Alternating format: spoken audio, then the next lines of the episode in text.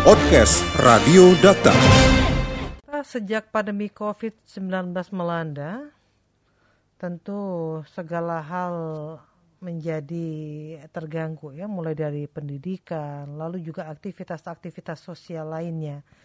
Nah, tentu ini juga masih terus berlanjut hingga hari ini dan sampai hari ini juga masih cukup tinggi kondisi data COVID-19 untuk Indonesia sendiri. Beragam upaya penanganan terus dilakukan termasuk sekarang pemerintah sedang gencar-gencarnya melakukan vaksinasi COVID-19. Nah kita akan coba membahasnya terkait dengan COVID COVID-19 di Indonesia.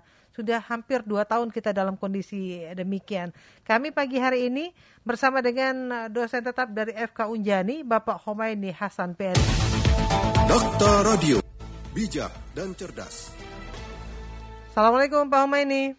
Waalaikumsalam warahmatullahi wabarakatuh. Kabar sehat Pak Humaini ya? Alhamdulillah, alhamdulillah. Sehat-sehat.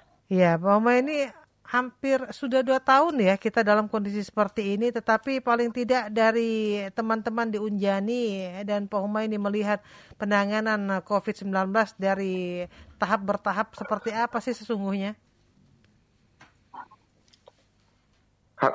Ya, halo. Iya, silakan Pak Humaini. Ya, ya. Uh, ya, dua tahun ya sudah kita merasakan pandemi dan uh, sekarang total kasus sudah menyentuh 2 juta uh-huh. dengan total recover cuma satu juta delapan ratus dan uh, ya kalau semenjak adanya ramainya varian delta ini ya makin mengencangkan apa namanya uh, protokol kesehatan tentunya Uh, namun kalau misalnya kita lihat tahapan-tahapannya memang kita harus akui bahwa kita, kesalahan itu ada pada kita semua gitu ya. Pertama telat dalam merespon keberadaan uh, pandemi ini. Kedua adalah memang uh, maju mundurnya kebijakan ya. Jadi kebanyakan juga uh, kami perhatikan kebijakan dari uh, pemerintah memang banyak membingungkan hmm. dan uh, yang penting juga adalah sebenarnya masyarakat ya tentang ketaatan masyarakat uh, untuk melakukan protokol kesehatan ini menjadi salah satu kunci utama untuk kita mudah-mudahan selesai dari pandemi ya. Ya dan kita tahu ya mungkin warga sekitar kita tetangga kita mungkin orang-orang tercinta kita sudah mendahului kita karena covid ya yeah. karena covid. Dan ya mungkin saya juga termasuk yang mengalami tetangga saya juga meninggal ya. Dan saya rasa mungkin yang penting kita untuk lakukan adalah kita harus semakin aware ya. Kalau kita menyayangi diri sendiri dan keluarga kita protokol kesehatan harus dikedepankan. Dan rasanya memang kalau sebut dengan uh, apa ya uh, gaya hidup baru, hmm. maka protokol kesehatan itu menjadi salah satu uh, apa namanya uh, gaya hidup baru ya di kita sekarang ya. Mudah-mudahan ya pandemi kita bisa selesai waktu secepatnya lah karena kita juga sudah sudah lelah ya. Hmm. Tenaga kesehatan sudah banyak kita uh, defisit ini tenaga kesehatan karena memang hmm. orang-orang terbaik kita dari tenaga kesehatan juga banyak yang meninggal gitu Mbak Mbak hmm. Siva. Nah, upaya yang selama ini sudah dilakukan uh, kita mungkin satu persatu ya dari sisi ke pemerintah terlebih dahulu. Upaya yang dilakukan oleh pemerintah selama ini seperti apa dalam penanganan COVID-19 karena ke sini ternyata tingkat uh, apa kenaikannya cukup drastis juga Pak Homa ini. Ya, memang uh, ini menjadi salah satu PR ya, PR utama memang dari sekian banyak kebijakan memang tidak tidak terlalu uh, bisa mampu uh, menahan laju ya kasus COVID ini secara pribadi. Di awal-awal memang para para ahli sudah menyarankan kepada pemerintah untuk melakukan total lockdown nasional sebenarnya. Itu sebenarnya ketika awal-awal dari pandemi karena pertimbangan ekonomi, pertimbangan politik dan lain sebagainya, maka itu tidak jadi. Dan kalau sekarang melakukan lockdown akan semakin sulit, Mbak, ya, hmm. Mbak Siva, karena memang lockdown itu sejatinya bisa diselesaikan ketika kasus itu masih dalam relatif rendah. Hmm. Sementara kita saat ini sudah mencapai sudah lebih dari 2 juta, jadi tingkat uh, pemerataan dari uh, apa namanya penyebaran dari uh, pandemi ini sudah merata ke seluruh Indonesia. Kedua adalah memang kalau misalnya kita lihat uh, adanya tarik ulur ya Mbak ya, tarik ulur saya nggak tahu bagaimana uh, cara berpikirnya, tapi setidaknya Uh, sudah banyak para ilmuwan dari kita itu sudah banyak memberikan saran kepada pemerintah memang tapi memang karena adanya aspek politis ya kalau menurut saya aspek politis sehingga uh, pendekatan-pendekatan ke kebijakan berkaitan dengan penanganan pandemi itu lebih ke arah politis daripada pada sains. Ini juga mungkin perlu diperhatikan untuk pemerintah bahwa mendengarkan sains itu para sains dan saintis itu lebih akan menyelesaikan pandemi lebih cepat dibandingkan mendengarkan para politisi. Karena pandemi ini tidak akan diselesaikan dengan politik, tapi pandemi ini bisa diselesaikan dengan sains. Itu mungkin pesan saya untuk pemerintah. Iya. Nah, kalau melihat kewaspadaan atau awareness dari masyarakat kita sampai dengan uh, dua tahun ini bagaimana Pak Homaini? Ya, ini juga menjadi salah satu hambatan bagi pemerintah untuk menerapkan uh, kebijakan. Sebagian besar kebijakan dari pemerintah cukup baik ya, walaupun juga saya seperti tadi kritikan saya uh, uh, uh, berkaitan dengan hal itu. Satu hal yang penting juga yang menjadi uh, sorotan utama dari kita adalah tentang berkembangnya hoax, hmm. informasi-informasi yang tidak tepat berkaitan dengan COVID. Ya, sampai ada yang menganggap kalau COVID itu adalah konspirasi, COVID itu adalah never exist, gitu ya.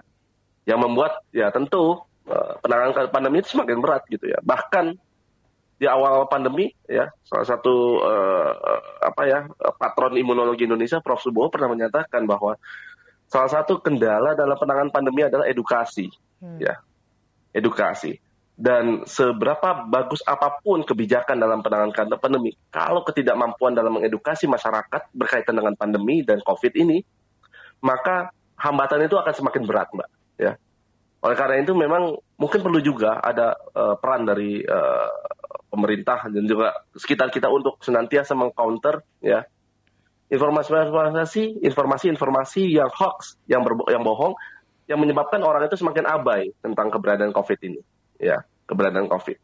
Kadang-kadang hoax ini juga senantiasa membandingkan dengan negara-negara lain yang sudah keluar dari pandemi. Itu yang menurut saya banyak yang mereka tidak tidak terlalu tahu ya. Apalagi di awal-awal pandemi kita sudah memberikan apa ya ruang ya kepada orang-orang yang senantiasa akhirnya menjadikan pandemi ini seperti sekarang mbak ya. Mohon maaf misalnya ada beberapa orang tokoh masyarakat, tokoh politik, tokoh uh, uh, ya uh, apa pejabat yang memberikan statement-statement yang menyebabkan orang itu merasa abai gitu loh. Dan bahkan di media-media ya memberikan uh, apa uh, memberikan uh, tempat kepada para narasumber yang sebenarnya pada hakikatnya mereka bukan ahli di bidang itu hmm. untuk memberikan statement berkaitan jadi mungkin itu menjadi salah satu kendala kenapa kita sulit untuk menyelesaikan pandemi ini. Di saat yang sama, ya kekurangan uh, stok oksigen misalkan iya. obat-obatan yeah. ya dan sekarang yang menjadi masalah lah uh, bed ya uh, tempat uh, perawatan yang sangat minim sekali dan celakanya membuat kita itu semakin abai seakan-akan tidak percaya makin sulit lah pandemi kita. Jadi kalau misalnya kita berharap herd, herd immunity itu tidak akan pernah terjadi mbak gitu ya. Eh, karena di awal-awal kita berharap karena herd immunity akan muncul. Tidak. Yang ada sekarang adalah herd stupidity. Hmm. Iya. Baik, rekan. Tentang pentingnya protokol kesehatan dan bahayanya pandemi ini. Iya. Itu, nah, Mbak. Pak Homa ini ini juga terkait dengan tadi disampaikan bahwa ada ada berita hoax lalu juga apa ya penanganan dari pemerintah. Nah, kadang-kadang informasi yang simpang siur atau yang kurang valid juga disampaikan oleh para pejabat negeri ini. Misalnya kalau beberapa waktu lalu kita ingat betul tentang ivermectin ya kalau tidak salah Pak ini. Oh iya, ivermectin. Iya. Iya. Nah, ini kan akhirnya membuat resah di iya, masyarakat. Iya. Ya sebenarnya itu menjadi salah satu ini ya uh, uh, apa itu yang kenapa saya bilang kenapa uh, kenapa nggak mendengar mendengarkan saintis ya daripada uh, politisi. Saya tidak tahu awal dasarnya. Ketika saya coba melakukan penelusuran literatur berkaitan dengan ivermectin, memang ada satu paper berkaitan dengan ivermectin dan COVID ya. Dan di ujung kesimpulan uh, dikatakan bahwa ivermectin tidak menjadi salah satu standar dan tidak bisa dijadikan standar untuk pengobatan COVID. Intinya itu, ya.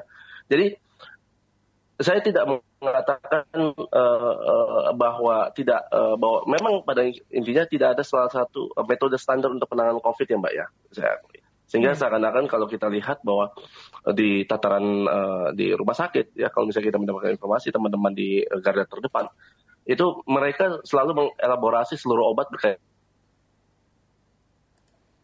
Dan uh, ivermectin jujur baru ya itu. Kalau itu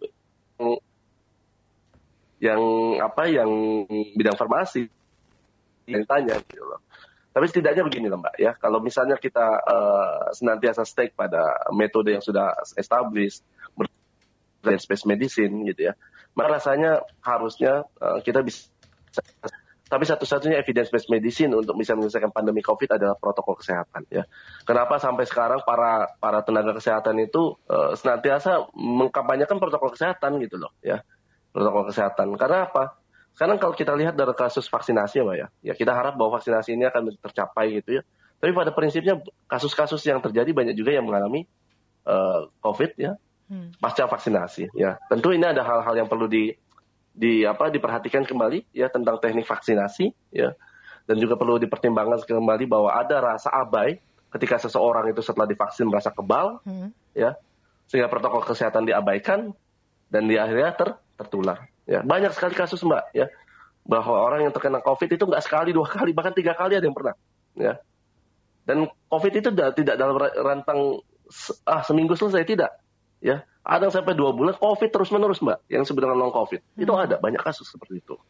Jadi eh, apa ya? Kalau misalnya orang mengatakan COVID itu, uh, COVID itu sebagai penyakit seribu wajah, buat saya sih memang make sense ya, sangat-sangat masuk akal. Kenapa? Karena orang tidak tahu uh, ketika COVID itu uh, menginfeksi dia, simptom apa atau gejala apa yang akan keluar itu sangat tergantung pada keadaan dia. Ya. Jadi sebenarnya yang menjadi salah untuk kita uh, ingat adalah tentang pentingnya protokol kesehatan. Dan kebetulan sekarang sedang lihat-lihatnya vaksinasi. Kalau memang ada ke, ke apa uh, kesempatan untuk melakukan itu, lakukanlah gitu loh. Mumpung mumpung sekarang ini sudah sedang gencar-gencarnya. Tapi tentu jangan sampai abai tentang protokol kesehatan itu menjadi salah satu hal yang penting. Baik. Gitu Mbak Mbak Nah, Pak ini sekarang masyarakat juga di apa ya dikhawatirkan dengan varian baru ini, varian Delta. Bisa diberikan uh, penjelasan tidak kepada masyarakat apa sih bedanya uh, dengan COVID uh, varian baru ini?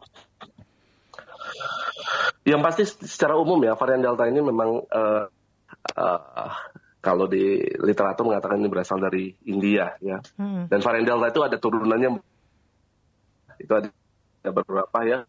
Jadi kalau misalnya kita lihat di literatur yang COVID itu sudah sampai yota ya. Alfa beta jadi aman huruf Yunani itu, alfa beta sampai yota. Delta menjadi salah satu hal yang menarik karena memang dulunya berasal dari India. Dulu kita sempat khawatir tentang varian British ya, varian Afrika, varian Brazil, sekarang varian dari varian dari uh, apa dari uh, uh, India. Hal yang menarik adalah dari varian India ini adalah uh, lebih cepat menyebar ya terus simptomnya tidak seperti uh, seperti uh, covid seperti biasanya ya. Dulu itu covid itu bisa diindikasikan dengan misalnya batuk kering apa apa misalnya uh, uh, hilang penciuman dan lain sebagainya. Sekarang uh, indikasi covid oleh akibat varian ini uh, tidak tidak seperti itu gitu ya. Seperti di, di publikasi di Inggris ya varian kena varian delta itu orang pilek. Padahal dulu itu tidak masuk dalam si uh, gejala orang COVID kalau pilek gitu ya hmm. karena mereka biasanya batuk kering.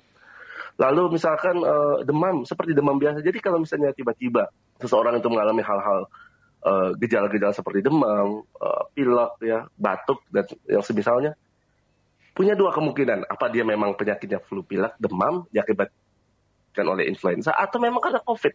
Nah, ini yang menyebabkan orang itu semakin uh, harus aware tentang itu ya saya ini kemarin sempat panik misalnya ya mengalami flu, pilek, demam persis seperti yang varian delta. Apa yang saya harus lakukan? Saya langsung ngecek ya, melakukan uh, uh, apa uh, pengetesan COVID. Karena saya harus langsung merasa suspek saya ini COVID, bukan saya merasa influenza. Karena kalau misalnya influenza itu penanganannya menjadi agak berbeda. Ya.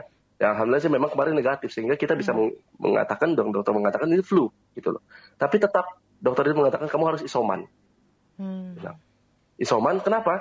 Karena keadaan saat ini input kamu rendah, ya, e, tidak kuat, sehingga ketika kamu keluar, ya, karena kamu merasa flu dan bukan COVID, ketika kamu merasa terpapar atau terinfeksi, maka potensi kamu untuk mengalami worse atau keadaan yang lebih buruk akan bisa sangat memungkinkan. Jadi memang situasi saya sebenarnya lagi soman nih, Mbak, sebenarnya oh. gitu, ya. Hmm.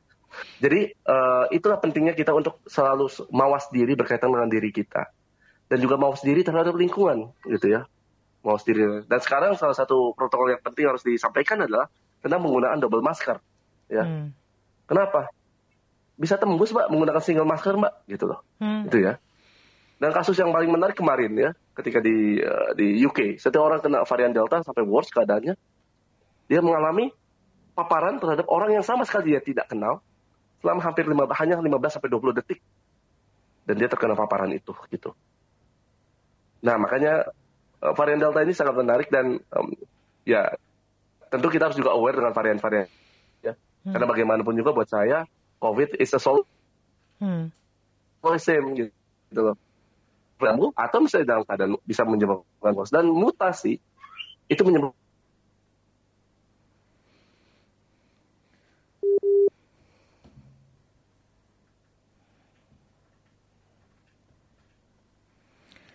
Iya, rekan Dakta kita masih berbincang bersama dengan dosen dari Unjani, Bapak Humayni Hasan terkait dengan uh, COVID-19 ya. Nah, kalau rekan Dakta punya pertanyaan, silakan Anda bisa sampaikan bersama kami di 8816363. Pak Humayni, halo Pak Humayni, ini Halo. ada pertanyaan melalui WhatsApp kami. Dalam kondisi apa kita harus menggunakan double Ya. masker? Karena sebagai orang awam kita agak ngap Pak Humayni menggunakan double masker ini. Iya, memang itu menjadi salah satu tantangan tersendiri ya buat kita ya. Eh, yang paling utama adalah ketika kita ber- memiliki eh, untuk terpapar, misalnya ketika kita harus melakukan kegiatan di luar. Kalau misalnya kita terpaksa melakukan kegiatan di luar, ya, Hmm. maka double masker menjadi salah satu eh, hal yang utama, ya. Bahkan sebagian kalangan para eh, apa ahli kesehatan, jangan-jangan droplet, ya, jangan-jangan ini airborne itu yang menjadi menjadi eh, apa ya prediksi ya. Karena begitu cepatnya menular, mbak. Ya, saya kalau udah saya itu habit ya. Hmm. Jadi kalau udah keluar, saya saya menggunakan double masker Hmm. seperti itu. Baik. Ya, atau misalnya ada aktivitas yang menuntut saya harus di luar, Hmm. maka double masker menjadi salah Double masker ini bisa kombinasi dengan masker kain atau double masker medis semuanya Pak Humayni. Ya, pada prinsipnya adalah eh, masker yang sudah di- menjadi standar yang diarahkan oleh para uh, dan bukan masker scuba seperti yang biasa digunakan oleh masyarakat gitu ya. Hmm.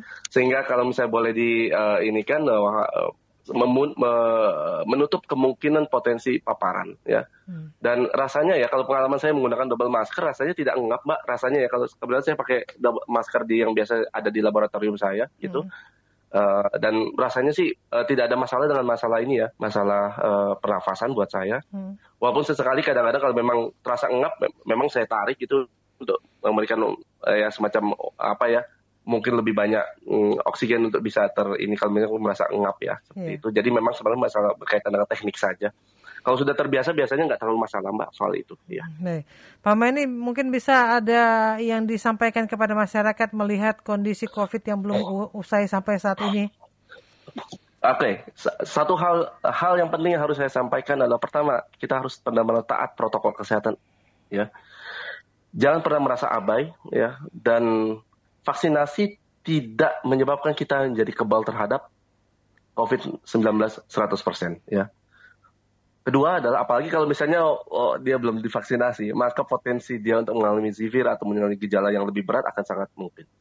Kedua adalah stay at home ya kepada masyarakat ya terutama masyarakat Bekasi saya melihat masyarakat Bekasi termasuk yang mobilitasnya tinggi gitu ya dan apalagi kalau kita melihat kasus di RSUD Mbak ya Iya, kita bisa betul. membayangkan bagaimana sulitnya dan sekarang saya dari tadi pagi ini sampai sekarang ini sudah ditelepon oleh banyak orang untuk menanyakan tentang pote apa tentang eh, keadaan rumah sakit di Bekasi ya saya bilang semuanya sudah penuh ya Iya. untuk COVID Ya, Ketiga adalah stay at home. eh, kedua ke stay at home ya. Jadi kalau misalnya tidak ada kebutuhan sama sekali yang memiliki ke- yang harus kita keluar, jangan keluar di rumah.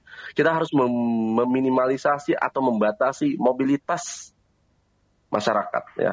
Ini salah satu kunci utama dalam menyelesaikan eh, pandemi. Kenapa? Membatasi mobilitas artinya membatasi mobilitas virus juga ya. Hmm. Memang sulit, memang ya, memang sulit keadaan seperti ini. Tapi setidaknya itu menjadi salah satu cara yang paling penting untuk kita eh, apa eh, bisa lakukan. Dan satu hal pesan saya untuk untuk pemerintah, lebih banyak mendengarkan para saintis ketika mereka memberikan saran kepada pemerintah berkaitan dengan kebijakan COVID. Hmm. Jangan pernah dengan politisi ya karena politisi tidak akan pernah menyelesaikan pandemi ya hmm. politik tidak akan pernah menyelesaikan pandemi hanya sains yang bisa menyelesaikan pandemi dan untuk masyarakat semuanya untuk yang yang sakit ya semoga cepat sembuh Amin. ikuti saran seluruh dokter ya dan jangan pernah berputus asa ya keep positive thinking ya hmm. karena memang kalau misalnya sudah stres imunnya turun wah repot mbak Oke. Okay. Nah, ini ada pertanyaan dari Ibu Ina sebelum kita ya, ya, uh, Pak Homaini ini ada pertanyaan dari Ibu Ina sebelum kita akhiri. Jadi apa yang bisa dilakukan oleh masyarakat ketika mereka memilih untuk isolasi mandiri dengan tidak memiliki gangguan dan apa sih Pak yang bisa dikonsumsi dan berapa lama harus melakukan isolasi mandiri ini? Ya, untuk isolasi mandiri memang banyak ini ya. Isolasi mandiri atau dirawat adalah keputusan medis yang ditentukan oleh para tenaga kesehatan. Ya, jangan pernah sekali-sekali masyarakat membuat keputusan medis sendiri berkaitan dengan keadaannya. Kalau misalnya para dokter menyarankan dia harus melakukan rawat inap, ikuti saran dokter. Hmm. Kalau misalnya dokter menyuruh untuk melakukan isoman, lakukan. Apa yang bisa kita lakukan dengan uh, isoman? Yang pertama adalah banyak istirahat ya karena itu uh, karena dengan istirahat kita akan bisa bisa mem, uh, apa ya memberikan waktu tubuh kita untuk tidak tidak apa tidak uh, untuk senantiasa membangun sistem imun. Kedua adalah makan makanan yang sehat itu yang penting ya mencegah hal-hal yang menyebabkan ya uh, uh, apa namanya uh, bermasalah misalnya kayak yang pedes-pedesan ya saya itu masuk suka pedes karena isoman saya tidak untuk makan itu. Ketiga adalah uh, uh, susu ya mbak ya. Yeah. ya makanan yang kaya protein ya. Karena dari protein lah sumber-sumber uh, sistem antibodi itu terbentuk ya. Dan yang paling penting adalah uh, antioksidan dan vitamin-vitamin yang yang menunjang ya. Yang biasanya kalau uh, kalau saya mendapatkan kemarin dari uh, dokter ya saya bilang itu uh, vitamin D 5000 IU ya 5000 unit ya. Vitamin D 5000 unit per hari uh, vitamin C 1000 mg ya dan vitamin B kompleks ya dan komponen-komponen antioksidan yang berasal dari buah-buahan. Ya, makanya kalau misalnya kita perhatikan untuk teman-teman yang mengalami isolasi mandiri di di apa di uh, di tempat-tempat isolasi mandiri yang ditentukan pemerintah, maka buah-buahan yang mengandung kaya antioksidan dan air itu sangat di uh, senantiasa diberikan. Dan yang paling penting adalah jangan sampai mengalami dehidrasi. Ini yang penting karena apa? Ciri khas uh, salah satu ciri khas orang COVID itu adalah misalnya mengalami diare, Mbak, ya yang mengalami diare. Yang jadi masalah adalah kadang-kadang orang kalau makan di, uh, diare mereka akan menggunakan obat diare. Gitu. Yeah. Padahal itu adalah salah satu mekanisme yang bisa kita lakukan adalah dengan membiarkan diarenya, tapi tetap kita asupan cairan, mbak ya. Jadi jangan sampai dehidrasi, gitu. Karena misalnya membuat mampet juga memang tidak nyaman, tapi salah satu mekanisme pembuangan racun sebenarnya. Ya, yang penting adalah jangan sampai ketika diare kita mengalami dehidrasi. Ya, dan ini salah satu ciri khas ya mbak ya, ciri ciri khas kalau orang mengalami diare itu mungkin sangat besar potensinya uh, uh, apa terinfeksi COVID-19. Uh, mungkin dari saya itu Mbak, Mbak Sifah. Pak Mani terima kasih. Mudah-mudahan ini bermanfaat untuk masyarakat dan masyarakat juga tetap menjaga prokesnya ya Pak Mani. Iya, iya, ya, oke. Okay. Sehat terus Pak Mani. Assalamualaikum warahmatullahi wabarakatuh. Waalaikumsalam warahmatullahi wabarakatuh. Podcast Radio Data. Anda cukup masuk ke mesin pencari Google atau lainnya dan tinggal mengetik podcast Radio Data. Podcast Radio Data, aktual dan informatif.